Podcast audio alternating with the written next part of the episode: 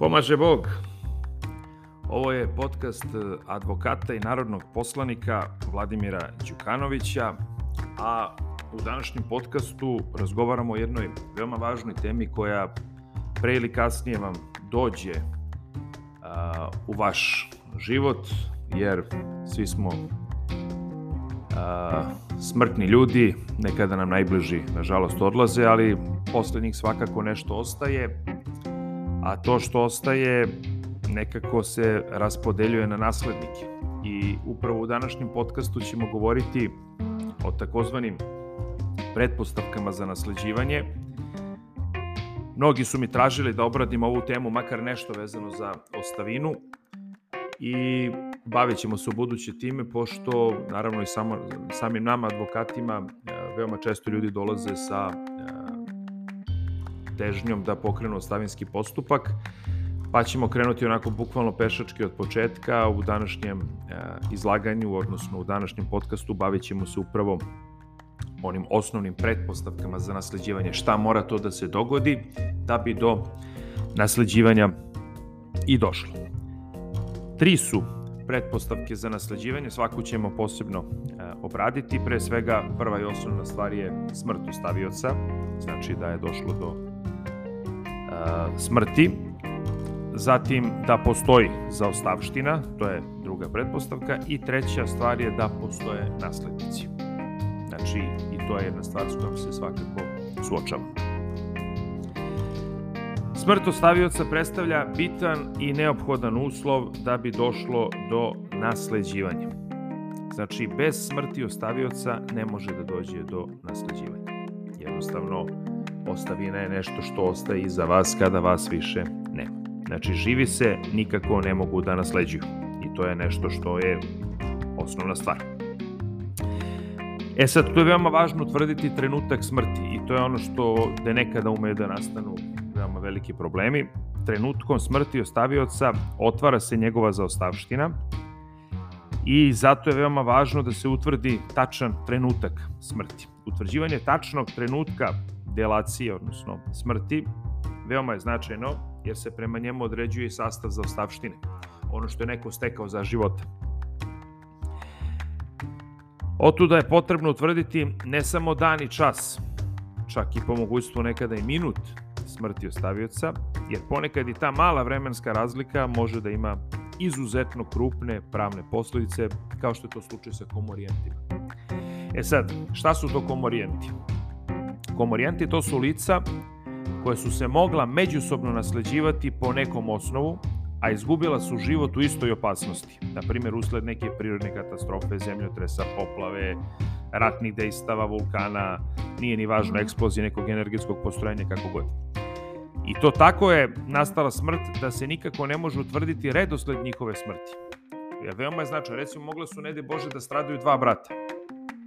Oni svakako jedan drugog mogu da nasleđuju, recimo da je jedan preminuo pa drugi je živ, on može da nasledi svog brata. Ali ako su obojica u nekoj nesreći stradala, veoma je važno utvrditi ko je prvi nastradao, jer u toj situaciji onda ovaj drugi brat ga je mogao da nasledi, pa to prelazi na njega, pa kasnije posle njegove potomke. Zato je veoma važno utvrditi svaki taj moment, a komorijenti su upravo lica koje su se mogla međusobno nasleđivati po nekom osnovu, a izgubila su život u istoj opasnosti. U našem pravu, u takvom slučaju, kada dođe do, ajde da kažemo, gotovo istovremenog stradanja, a, oni koji su se mogli međusobno nasleđivati, uzima se da su svi umrli istovremeno, tako da se međusobno ne mogu nasleđivati, jer osnovni uslov da neko lice postane naslednik jeste da doživi trenutak smrti lica na čije nasledđe pretenduje. Tako da, dužno suda jeste da pokuša eventualno da utvrdi uz pomoć svih raspoloživih i dopuštenih dokaza tačan redosled smrti lica koje je pitanje. Ali kod komorijanata uzima se znači da su negde u istom momentu stradali. Istovetno dejstvo sa smrću ostavioca ima i proglašenje nestalog lica za umrlo. Kao trenutak smrti nestalog lica proglašenog, uh, proglašenog umrlim uzimaju se dan i čas koji su označeni u rešenju, a ako to u rešenju nije naznačeno danom otvaranja nasleđa, smatra se prvi dan po isteku zakonom određenih rokova. A, kako se proglašava nestalo lice za umrlo, to a, ćemo neki drugi put o tome da, da govorimo. Postoji određeni postupak kako se to, kako se to čini. Recimo, imate, ne de Bože, situaciju ratnih dejstava i a, neko je stradao, ali ne znate da je stradao, nestao je negde u tim ratnim dejstvima. I onda kada se utvrđuje moment, a, tačan moment njegove smrti, upravo da bi se posle i otvorio stavinski postupak, to je nešto drugo i o tome ćemo svakako govoriti u nekim narednim podcastima. Rokovi koji po zakonu o nasleđivanju počinju da teku od dana otvaranja nasleđa, teku od dana pravnosnažnosti i rešenja o proglašenju nestalog lica za. Znači onog momenta kada sud utvrdi da je lice ne, da je nestalo lice zapravo umrlo, odnosno da je da mu je život okončan, od tada teku i rokovi vezani za zakon o nasleđivanju. Ako se smrt nekog lica ne može dokazati ispravom predviđenom zakonom o matičnim knjigama, svako lice sa neposrednim pravnim interesom i javni tužilac mogu podneti predlog da sud u vam parničnom postupku rešenjem utvrdi smrt tog lica. E sad, može da se dogodi slučaj da se lice koje je proglašeno umrlim pojavi. E tada onda savesni naslednik vraća samo ono što se kod njega zateklo, dok nesavesni vraća ne samo ono što se kod njega i nalazi, već dugu i naknadu štete za otuđenje e, e, za, za i potrošne stvari i naknadu za propuštene plodove i naknadu za smanjenje vrednosti stvari i tako dalje. Znači može da se dogodi recimo proglašeno neko lice za umrlo zato što su bile takve okolnosti prosto da je teško bilo verovatno da je ostalo živo, na primjer u, neke, u nekim elementarnim nepogodama, poplavama, požaru i tako dalje. Međutim, posle nekog vremena ono se pojavi živo, e tada se to rešenje prosto koje ga proglasilo za umrlim jednostavno briše, odnosno ono više nije važeće. Savesni naslednik vraća one stvari koje su se zatekle kod njega, nesavesni mora da nakradi štetu i vrednost umanjenja stvari i tako dalje tako dalje. Znači, to je prva pretpostavka za ostavinu, to je smrt ostavice. Druga pretpostavka je postojanje za ostavštine. Zaostavština predstavlja skup e, nasleđivanju nekih podobnih prava i obaveza ostavioca, to je celokupnu ostaviočevu aktivnu i pasivnu imovinu koja je podobna da pređe na druga lica, odnosno ostaviočeve naslednike. Zaostavština se još naziva nasleđe ili nasledna masa. Zaostavština se inače sastoji od aktive i pasive. E, to, takozvana, to je takozvana ta, kako bismo rekli, bruto zaostavština. Razlika između aktive i pasive koja pripada naslednicima po odbitku svih obaveza ostavioca naziva se čista, odnosno neto zaostavština. Međutim, vi kada nasleđujete, nasleđujete ono što je aktivno, ali nasleđujete ono što je pasivno. Znači, nasleđujete i a, ono što su eventualno i neki njegovi, neki njegovi dugovi. Znači, to morate da vodite računa o tome. A, Od bruto i neto zaostavštine trebalo bi razlikovati obračunsku vrednost zaostavštine. Obračunska vrednost zaostavštine predstavlja zbir neto vrednosti zaostavštine i određenih poklona koje je su učinio za vreme svog života zakonski nekonkretnim naslednicima. Znači, bez obzira da li mogu ili hoće da budu zakonski naslednici u konkretnom slučaju. I svi pokloni učinjeni u poslednjoj godini života ostavio sa drugim licima koje nisu zakonski naslednici. Do utvrđivanja obračunske vrednosti za ostavštine dolazi samo u slučaju povrede nužnog dela nužnih naslednika.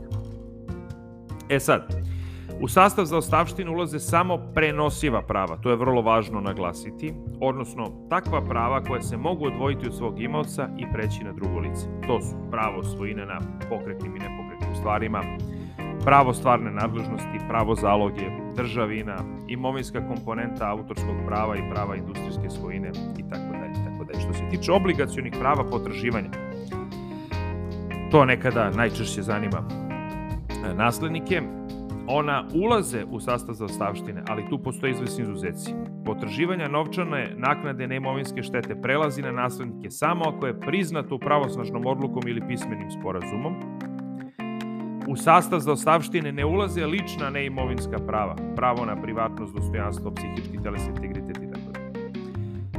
I lična imovinska prava, pravo lične službenosti, prava i obaveze iz ugovora instituta, e, e, iz, iz ugovora intuti persona, pravo na izdržavanje i tako dalje, dok su neka prava relativno naslediva. Na primer, pravo potomaka i bračnog druga da nakon smrti davaoca izdržavanja nastave s ispunjenjem obaveze iz ugovora o doživotnom izdržavanju.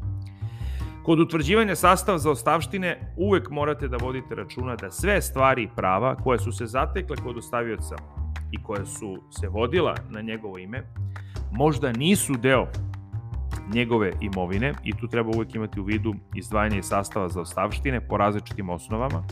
Na primjer, izdvajanje u korist ostaviočevog supružnika po osnovu bračne, e, bračne tekovine, zajednička imovina koju su supružnici stekli radom u toku bračne zajednice. Zatim izdvajanje po osnovu socijalne pomoći koje je ostavilac prima od društva. Ovo izdvajanje vrši se i onda kada se kao naslednici pojavljuju lica koje nisu imala dužnost da izdržavaju ostavioca.